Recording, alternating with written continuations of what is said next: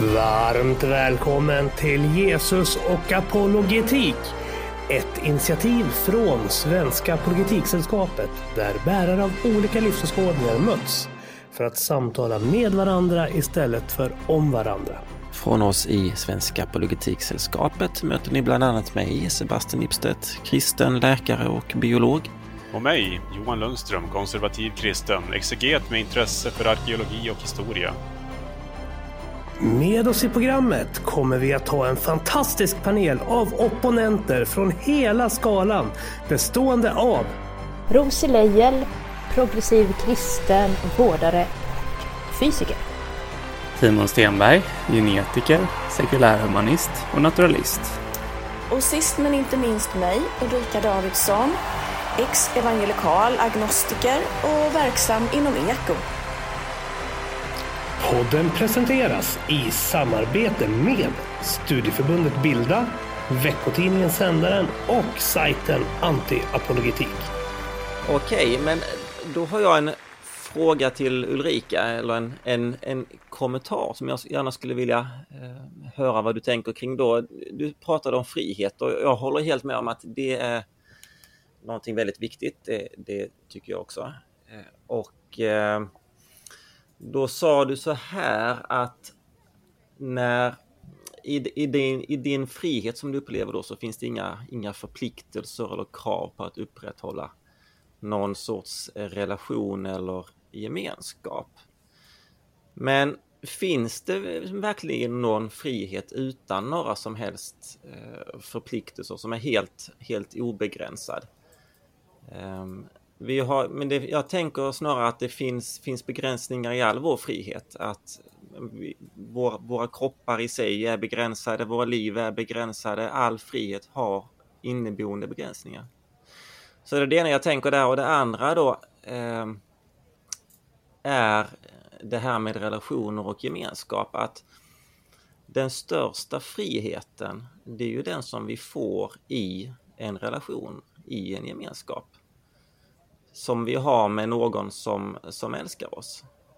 Um, när man går in i en relation så ger man upp någonting av, av sin frihet och no någonting av sitt eget oberoende. Men i gengäld så får man ju tillbaka en frihet som är så väldigt mycket eh, större. Eh, en frihet då som innebär att, att vi inte behöver känna någon fruktan eller tvivel eh, på oss själva till exempel. Att vi inte behöver möta världen ensamma med våra egna begränsningar av våra egna resurser. Så att är det inte så att, att vår frihet blir, blir större när vi är i en kärleksfull eh, relation? Så det skulle jag vilja höra vad du tänker kring. Ja, eh, alltså nu var det det första kommer jag knappt ihåg men, men... Ja, nej, det för, första var att vår frihet till, alltså frihet till sin natur är alltid begränsad. Det finns ingen frihet som är helt eh, autonom. Uh Alltså, jag vet inte riktigt hur min frihet är begränsad idag. Alltså, det är klart att jag, att jag själv har ett, en början och ett slut. Och, men jag, jag, tror att, jag vet inte om, om jag blev lite missförstådd, men, men jag menar att friheten för mig idag, eh, när jag inte lever som liksom en kristen i den bemärkelsen, är, alltså, jag är ju uppvuxen med att det är, det finns liksom eh, lagar och regler typ att förhålla sig till om man är en kristen. Är du en kristen så ska du läsa Bibeln, du ska tro på Bibeln, Bibeln ska vara ditt rättesnöre. Eh, du ska be till Gud, du ska ha ett förhållande med Gud, du ska älska Gud. Alltså, eh, och, jag har, och du ska älska Jesus och vem är Jesus liksom? Jag har aldrig ens förstått vem Jesus är. Jag har aldrig kunnat älska Jesus på det sättet för det, det har inte varit något personligt för mig. Alltså faktiskt aldrig. Utan jag har alltid tyckt att det känns knepigt att älska någon som man inte ser.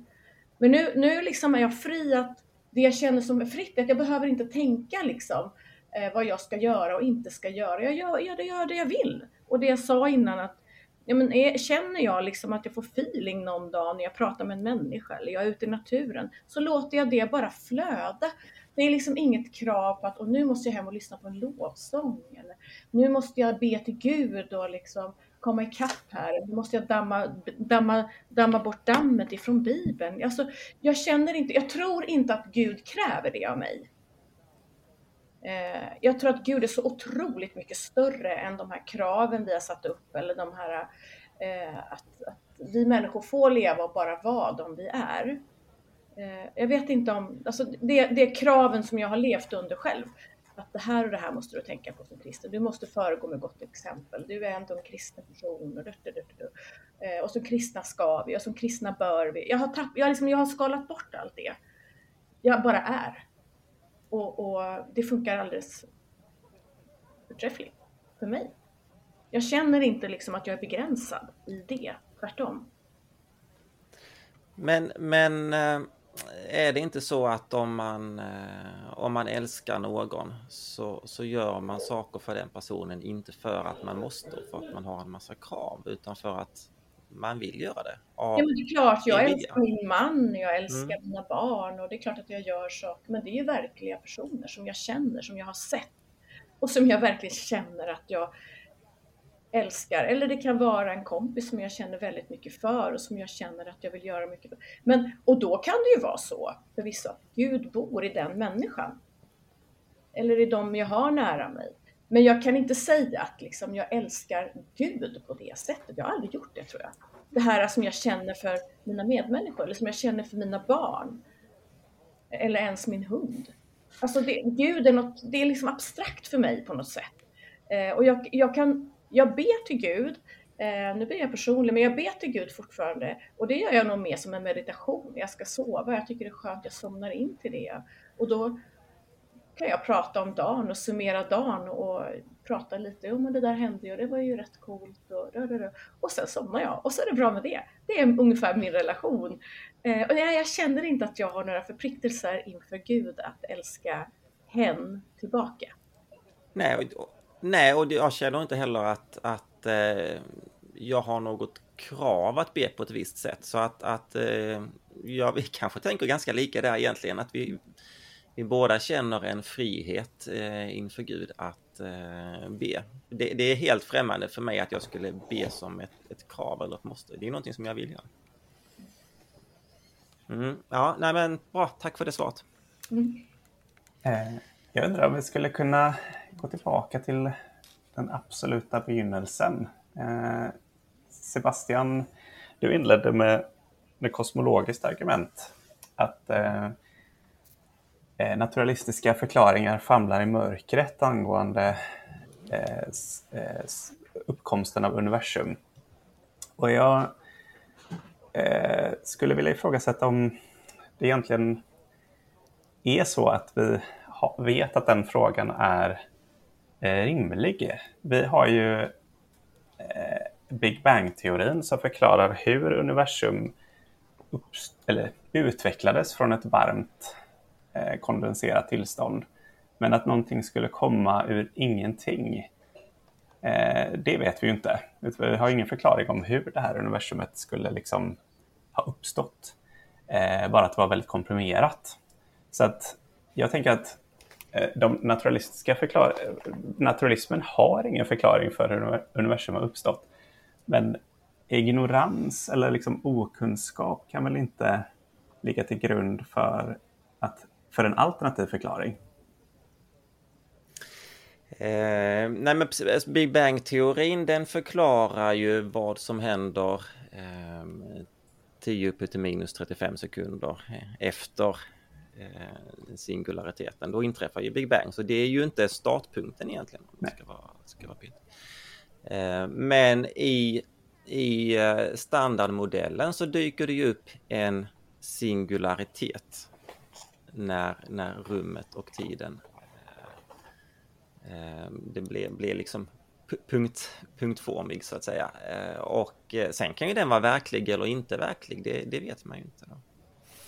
Men, men det, det som eh, eh, liksom all vår erfarenhet säger det är ju att om någonting börjar existera så finns det ju en orsak till det.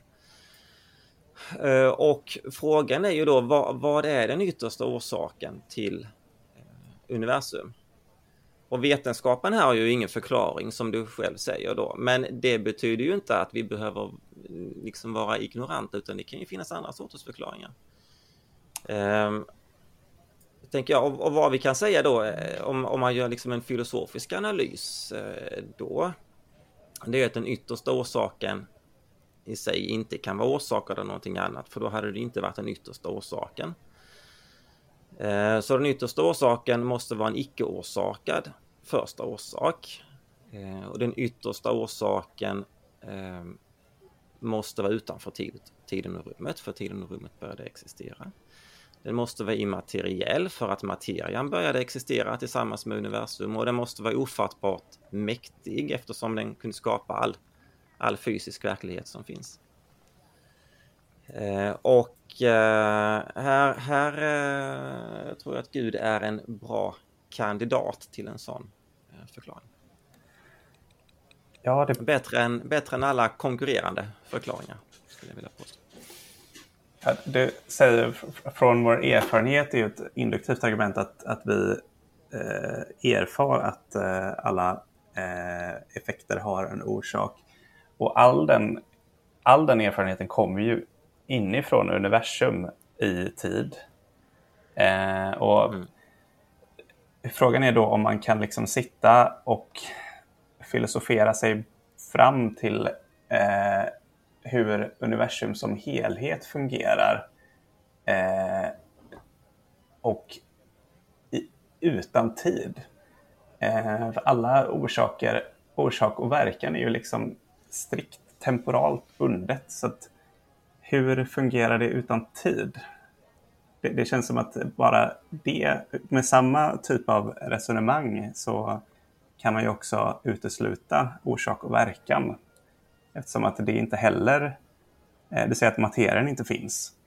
Eh, och det är ju sant då. Men tiden finns ju inte heller och då kan ju heller inte orsaker ha någon verkan.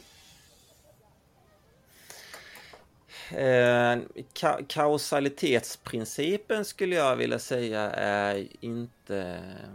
Eh, dels finns det liksom empirisk bekräftelse av den, men, men det är ju inte bara ett empiriskt Eh, argument, utan det är ju ett metafysiskt argument. Som, och som sådan så är det ju inte beroende av tid och rum för att det ska vara, vara giltigt. Eh, och eftersom vi inte har ett enda exempel på att, att vi kan få en effekt utan en orsak, att, det vill säga att kausalitetsprincipen inte skulle vara giltig, så, så, så får vi ju anta i brist på motargument att den gäller även universum som, som helhet. tycker jag. Ja, alltså jag tänker att det är en form av uteslutningsmetod som eh, känns som att man kan lika väl börja och utesluta eh, kausaliteten eftersom att eh, vi har ju inga exempel på kausalitet utan tid. Ja, det, det, vet jag inte om äh, helt uppenbart att äh, det skulle vara... Man kan ju naturligtvis resonera sig fram till det. Man kan säga så här att om, om universum skulle ha varit evigt och äh, det skulle ha varit minusgrader för evigt så skulle allt vatten ha varit fruset i evig tid. Eh, så att, att kausalitet är, är, ju inte en tidsberoende aktivitet på det sättet, utan det är ju en metafysisk aktivitet. Vad är orsaken till någonting, oavsett om det involverar tid eller inte? Mm. Man måste ju fråga sig också vad var orsaken till att tiden började? Vad var orsaken till att materia kom till? Det måste finnas mm. en orsak, annars blir det att intet blir en orsak, att det inte finns någon orsak. Det här är ja, på men, filosofiskt plan såklart. Som vetenskapsman så kan man ju inte eh, utforska det här, utan det gäller att filosofera sig fram. Ja, det är ju tankeexperiment, det är ju så filosofi fungerar. Men, men, men som, som sagt, vi, vi kan ju tänka oss, eh, vi kan göra tankeexperiment att universum är evigt och, och att eh, det har varit minusgrader för alltid och då, då har vi ju en orsak till att vattnet alltid har varit fruset som inte involverar tid. Alltid är ju ett tidsbegrepp. Jag vet inte vad... Ja, Jo, men, men att det, det är inte någonting som har, har förändrats utan det har liksom alltid varit på det sättet. Så att, att det inte en, en kausalitet behöver inte vara beroende av eh, förändring. På det sättet. Nej, men alltså det är ju, vi pratar ju om en förä- alltså någonting som orsakar en förändring. Mm. Eh, så det är ju en annan typ av kategori. Det är ju inte riktigt samma orsak och verkan som man eh, pekar på när man pratar om universums uppkomst. Det är ju inte någonting som statiskt har varit för evigt. Eh, det är ju precis det man eh, säger att det inte är.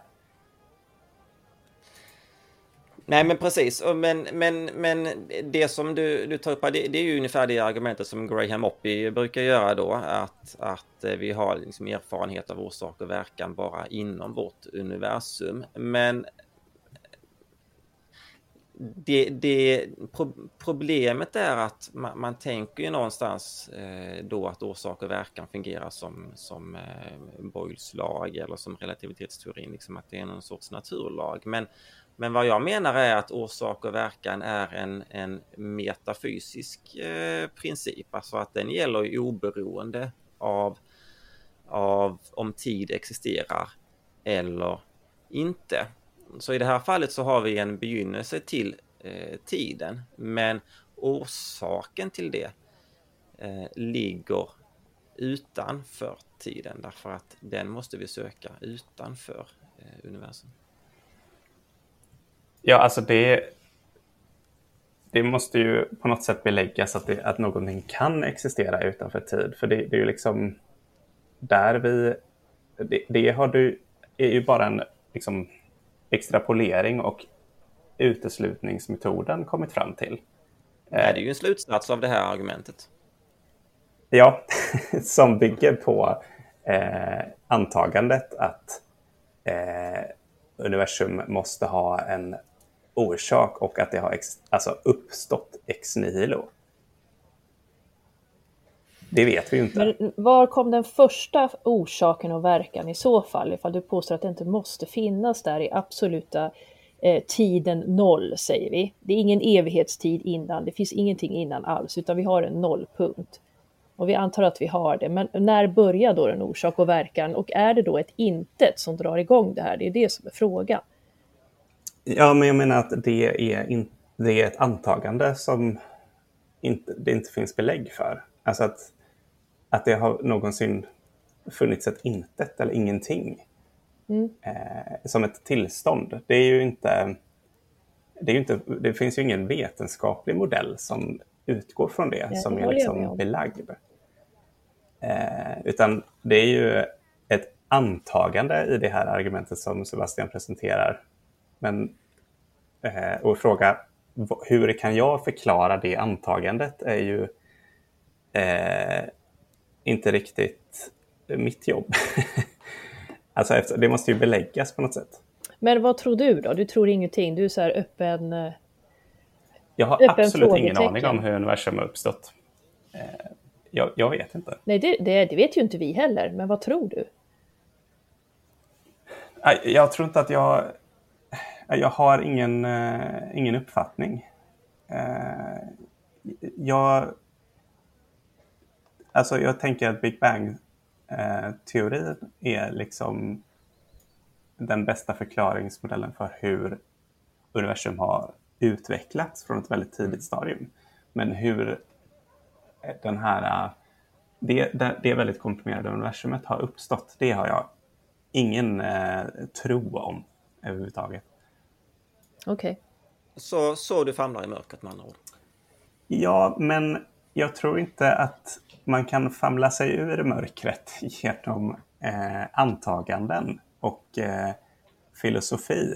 Utan vi måste ju belägga de här antagandena. Ja, men rimliga antaganden. Men, men antaganden kan ju endast beläggas genom filosofi eftersom vi inte kan bedriva någon vetenskap om vi inte har någon materia och inte någon tid så är det ju filosofin vi behöver använda oss av för att försöka förklara universum så. Mm. Ja, men det bygger ju på vad man då, den filosofen tycker är rimligt baserat på sina erfarenheter i ett universum med materia och med tid. Eh, och frågan är om man kan dra sådana slutsatser utan någon som helst data egentligen på den, de absolut ultim, ultimata frågorna. Där eh, kan man bara resonera sig fram till detta utan någon data alls egentligen. Det, det ställer jag mig väldigt skeptisk till. Nej men alltså det, det, är ju, det är ju den, den, totala samlade mänskliga erfarenheten är ju att om någonting börjar existera så finns det en orsak till det. Saker och ting poppar inte upp ur intet ur, ur, utan orsak. Liksom. Utan det att, det, att det finns en orsak, det, det måste ju vara utgångspunkten till vi har några skäl att misstänka motsatsen. jag tänker att det är ett kategorifel. Det, det är ju liksom den här, alla de här orsak och verkanssamband som du pratar om är ju, ingen av dem är ju ex nihilo eh, liksom uppkomst av saker ex nihilo. Va, vad säger Utan, du nu? Vad betyder ex nihilo? Absolut ingenting.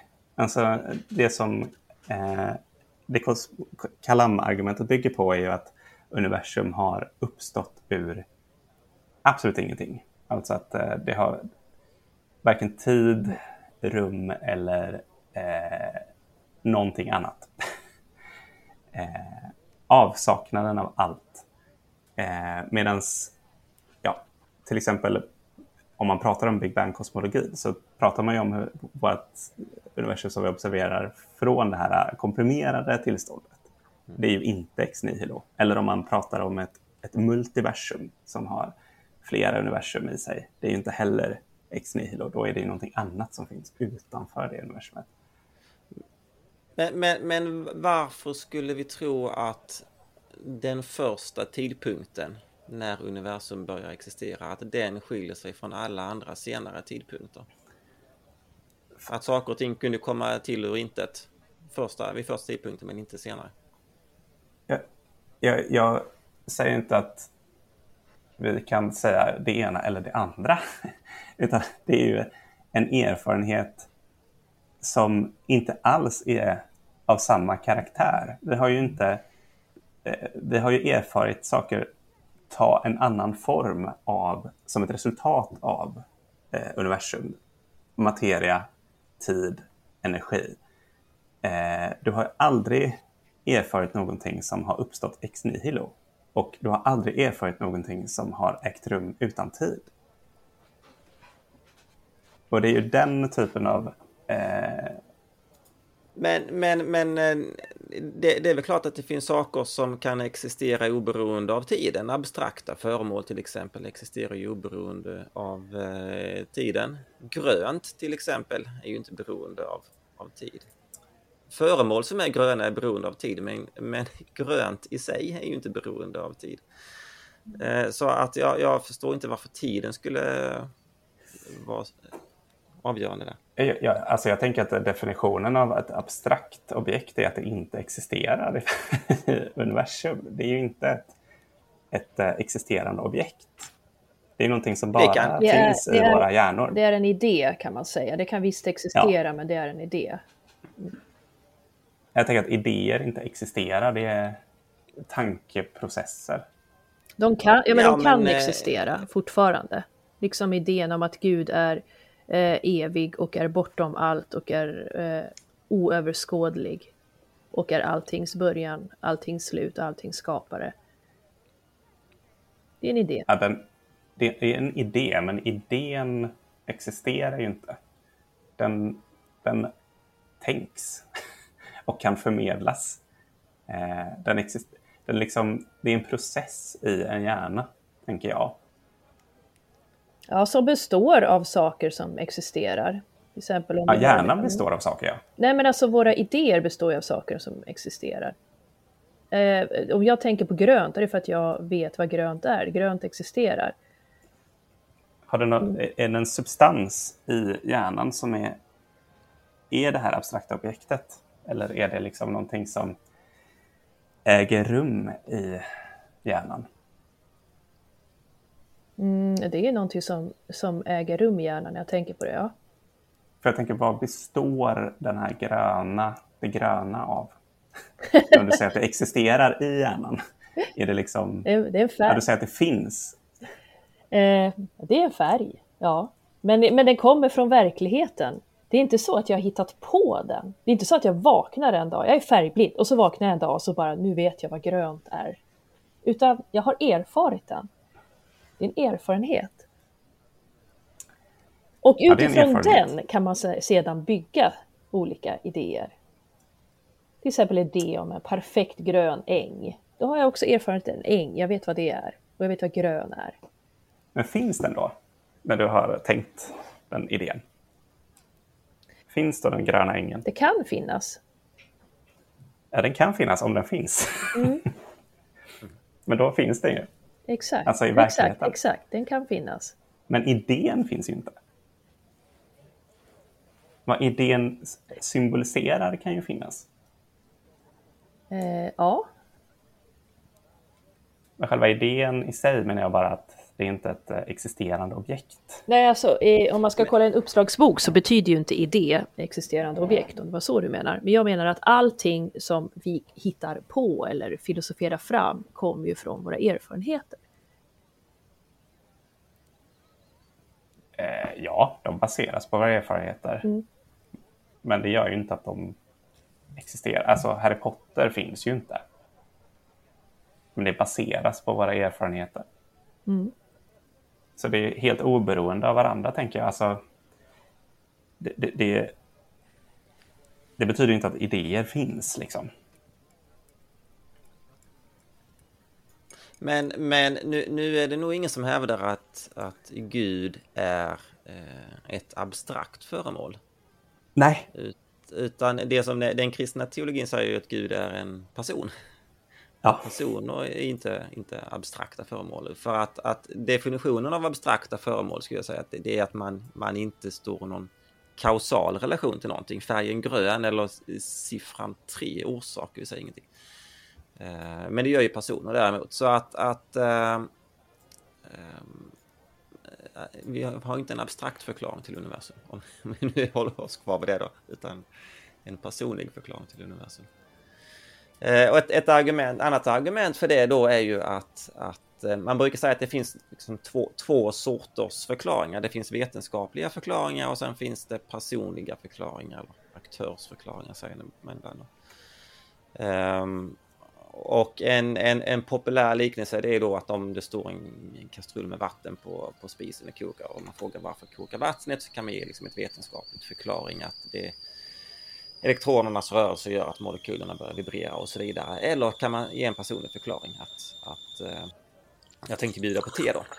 Eh, och för det mesta så finns det ju ingen konflikt där utan man kan använda båda de här sorternas förklaringar som kompletterande. Men, men när det gäller universums ursprung så kan man ju inte använda en vetenskaplig förklaring.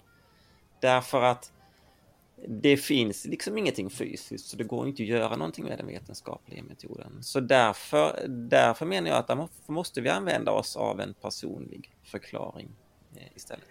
Ja, det är, precis, det är jättebra att du tog upp det exemplet, för jag tycker att det illustrerar den här uteslutningsmetoden som jag pratar om. Alltså att du utesluter en, man brukar ju säga att man utesluter en materiell förklaring eh, eftersom att det inte finns någon materia och därför måste det bara finnas en personlig förklaring. Men du kan ju lika gärna börja och, och utesluta den personliga förklaringen genom att säga att det finns inga personer. När det finns inga, alla personer är beroende av, alltså det finns inga personer som existerar utan nervsystem. Och det finns inga nervsystem innan universum existerar. Så därför så har vi uteslutit den och bara blir kvar med materiell förklaring. Så det, det är ju inte... Det är bara vilken ände vi har börjat att utesluta. Men vi, vi kan, egentligen måste vi utesluta båda de här förklaringarna. Ja, ja precis. Och, och i det fallet är det ju du som gör ett antagande då att eh, det är någonting som krävs för en, en person utifrån din eh, inomvärldsliga erfarenhet. Ja, och det- är ju det, är ju det enda vi har erfarit. Att alla eh, personer har ett, är knutna till ett nervsystem. Ja, eh, men det, det vet jag inte om jag håller med om. Nej, därför att här, här så kommer ju alla, alla eh, liksom övriga gudsargument in då också som jag skulle säga ge, ger stöd för att det kan finnas personer, andliga personer, gudomliga personer eh, som inte är eh, materiella. Då. Jag skulle snarare säga att det behövs ett nervsystem för att det ska kunna ta kötslig form, en person. Ja, det är så jag ser på Mm. saken. Men personen finns redan där. Så om nervsystemet blir skadat till exempel och man blir personlighetsförändrad så finns personen, den ursprungliga personen kvar där, Ja, oförändrad. ja, precis. Alltså eh, själen är oförändrad och lever kvar. Men den, Baserat har på inte möj- men den har inte möjlighet att ta sig uttryck på samma sätt längre. Hur vet vi det? Ja, det är något vi upplever. Och det är något som den säger, den som har den här hjärnskadan, säger till oss. Jag är fortfarande jag. Så det är väl så Ja, vi men- vet det. Ann- Annars vet vi väl ingenting. Vi kan ju lika gärna leva i Matrix egentligen, vet och vet. Men vi måste ju lita på personer vi talar med. Vi måste lita på vår egen erfarenhet av det. Ja, men jag tänker på personer som har blivit helt personlighetsförändrade av till exempel hjärnskador som inte känns igen längre. De känner De fortfarande säger- igen sig själva. Ja, vad betyder det då? Det betyder att de fortfarande är sig själva. Men att de, eh, eh, men att de inte har möjlighet att uttrycka alla egenskaper längre. De har en del blockeringar. En del vä- eh, vägar som fanns i hjärnan är blockerade nu av skadan av ärrvävnad. Och då kan det te sig som att de är andra personer. Det kan finnas skador där som gör att de intressen de hade minns de inte längre. Och då minns de inte hur de fick dessa intressen. Det är svårt också för omgivningen att veta exakt vad som gjorde en människa intresserad av någonting från första början. Det är svårt att hitta tillbaka till det. Men jag förstår inte hur du vad baserade den uppfattningen på? Den, det jag säger nu, det, det, Ja, alltså att det, det, det att det finns nu. kvar där fast det inte märks. Eh, därför att kopplingen där i hjärnan till, till minnesbalken är... Det, det finns inte längre så att man kan, man kan ta fram det i närminnet och prata om det. Man minns inte sina intressen. Minns, eh, det är det som är... Det brukar vara minnesförlust framför allt i hjärnskador. Det kan också vara personlighetsförlust. eh, eh, Alltså att man förlorar förmågan att, att, att hålla sig lugn.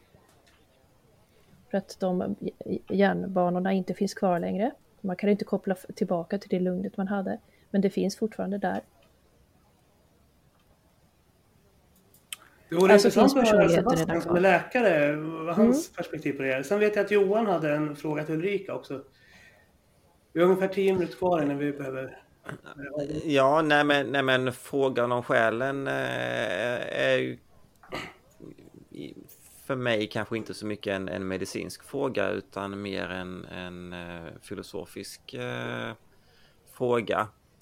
Eh, men jag, jag håller med det, det du säger Rosie där att, att eh, själen eh, är, är, är oförstörd men, men eh, hjärnan är ju själens verktyg för att kommunicera med omvärlden så skulle jag kanske uttrycka det. Så att det, det, det, och sen är det naturligtvis så att det finns en, en kommunikation i båda riktningarna också. Det som händer oss och det som eh, påverkar oss i livet det kan ju påverka vår själ så att vi mår dåligt i, i, i själen också påverkas där också. Så att, eh, själen är ju inte liksom isolerad från omvärlden.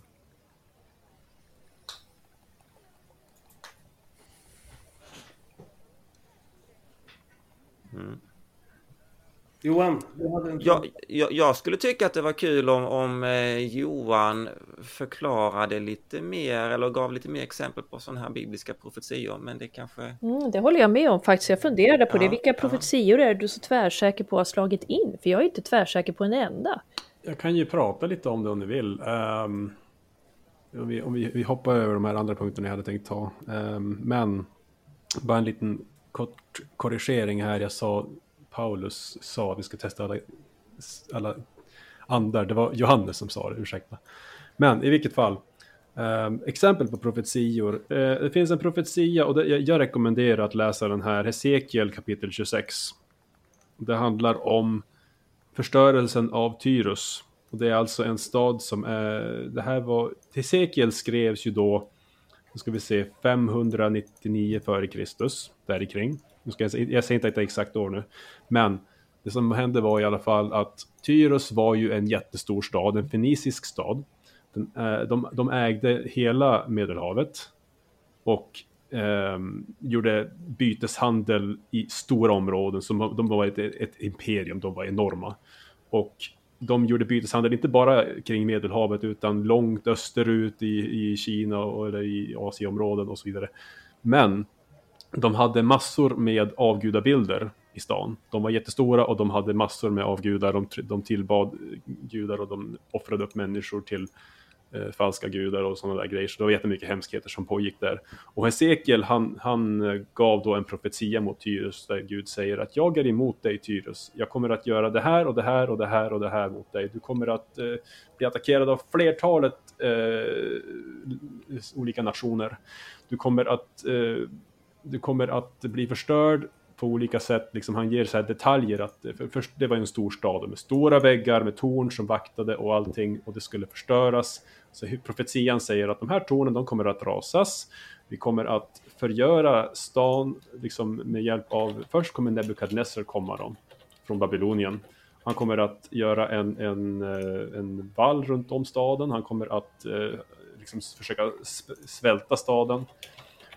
Och så gör han det. Han förstör alla dotterbyarna. Och så sen, liksom enligt profetian då, han förstör dotterbyarna. Och han kommer in med, med alla sina uh, kärror då, och kör, kör igenom staden. Precis som profetian säger. Och det som händer sen är att han lyckas ju inte förstöra staden helt och hållet. Men då säger profetian senare att han kommer också att eh, jämna staden med marken. Den kommer att förvandlas till en kal klippa. Den kommer att kastas i vattnet. Den kommer aldrig att återbyggas och den kommer bli ett ställe där folk kastar sina fiskenät. Står det. Och allt det här uppfylls dels av Nebukadnessar och dels 200 år senare när Alexander den store kommer. För han kommer på besök och säger att jag vill offra upp till era gudar. Han ska försöka ta över hela, hela Asien, Asienområdet. Då. Och han säger till, till folket i Tyres att jag vill komma till eran by och liksom vi, vi, vi, sköt, vi sköter det här diplomatiskt. Liksom. Vi ska försöka liksom, lösa det här på ett vänligt sätt först och främst. Och säger han, ja, säger de, visst, okej. Okay. Men jag ska komma och offra, offra upp till era gudar. Nej, det får du inte göra, säger de. Och då säger han, okej, okay, då kommer jag förstöra er istället. Så att, så att det han gjorde var att han kom och förstörde resten av staden. Precis som profetian säger, han kastade stan i vattnet. Eh, för han skulle göra en gångbro över till en del av stan som var ute på en ö. Så han tog resterna av staden som Nebukadnessar hade förstört, slänger dem i vattnet, som profetian säger. Sen så eh, gör han en gångbro över, han attackerar dem ute på ön, liksom resten av stan förstör den. Och Tyrus som en gång var ett stort byteshandelområde har aldrig blivit återställt. Och nu vet jag att skeptiker brukar komma och säga att nej men Tyrus existerar ju idag. Det finns ju en stad som heter Tyrus, men det står i profetian att Tyrus kommer aldrig att eh, återbyggas. Men då frågar man, vad menas med att Tyrus ska återställas? Betyder det att det ska finnas en stad som heter Tyrus i bara namn, eller menar de att Tyrus ska återställas till vad det en gång var? Och då är det så att det finns en stad idag som heter Tyrus.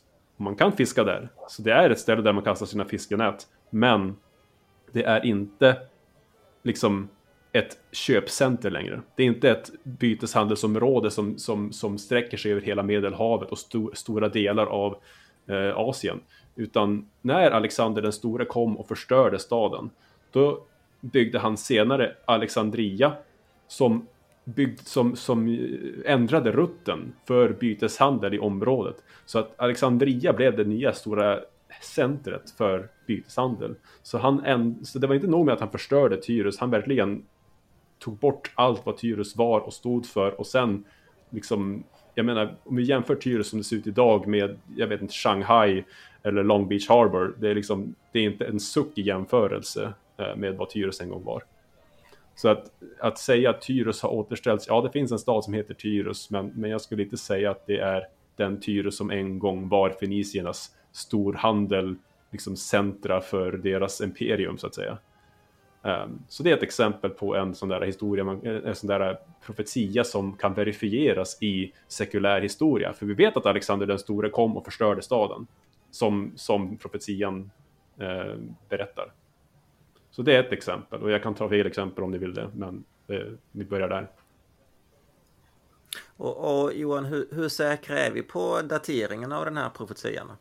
Att det verkligen inträffade innan detta? Ja, vi vet ju att, alltså, om man säger så här, um, skeptikernas kommentarer mot Hesekiel 26 är att den skrevs, okej, okay, den kanske skrevs i förhand, men att det var inte uppfylld, brukar man säga, brukar vara skeptiska svaret. Därför att eh, Nebukadnessar ska, vissa kanske läser texten och säger, ja men det står här att det är Nebukadnessar som ska uppfylla det här.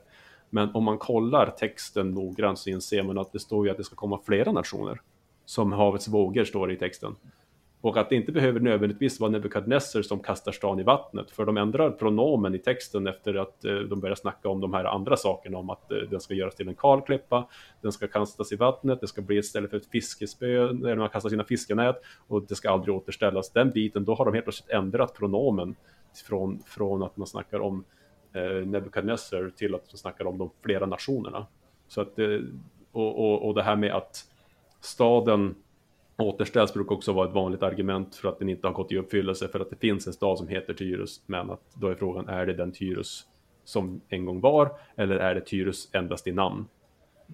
Um, och det där kan man snacka mycket om om man vill men, men definitivt att uh, det är inget, det är inte, jag tror inte folk har så mycket argument om att Hesekiel skrevs i efterhand till exempel utan den, det är ganska säkert att, att Hesekiel skrevs 200 år innan Alexander den store kom och förstörde stan.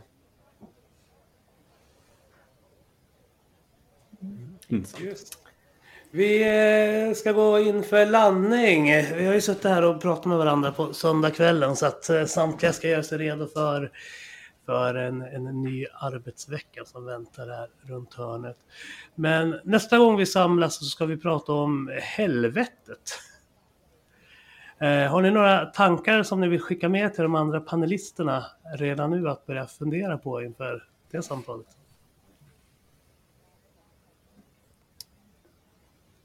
Ja, jag, jag undrar, eh, eh, alltså Johan och Sebastian, tror ni att icke-troende hamnar i helvetet? Och är det i så fall evigt eller är det en, en tidsbegränsning där man får sona sina synder och hitta tillbaka till Gud? Eller hur ser ni på det? Är det någonting vi tar då eller? Mm. Ja, det är ja, nästa okay. avsnitt.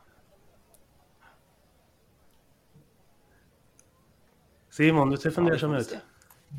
ja, jag funderar på... Ja. Sitter du och tänker på Hesekiel? ja, jo lite faktiskt. Men jag tänker... Eh, ja, jag tycker ju den, alltid att den mest intressanta frågan är eh, hur man eh, vet eller tror någonting. Så oavsett vad eh, panelisterna kommer ha för uppfattning om helvetet så skulle jag gärna vilja höra vilka skäl de har för, för den övertygelsen. Yes. Det ser jag fram emot väldigt mycket också. Men med det så vill jag tacka er i panelen för detta eftersnack och även ett stort tack till ni som har varit med och lyssnat. Vi hörs igen om några veckor. Ha det bra allihopa. Hej då. Tack så mycket. Hej då.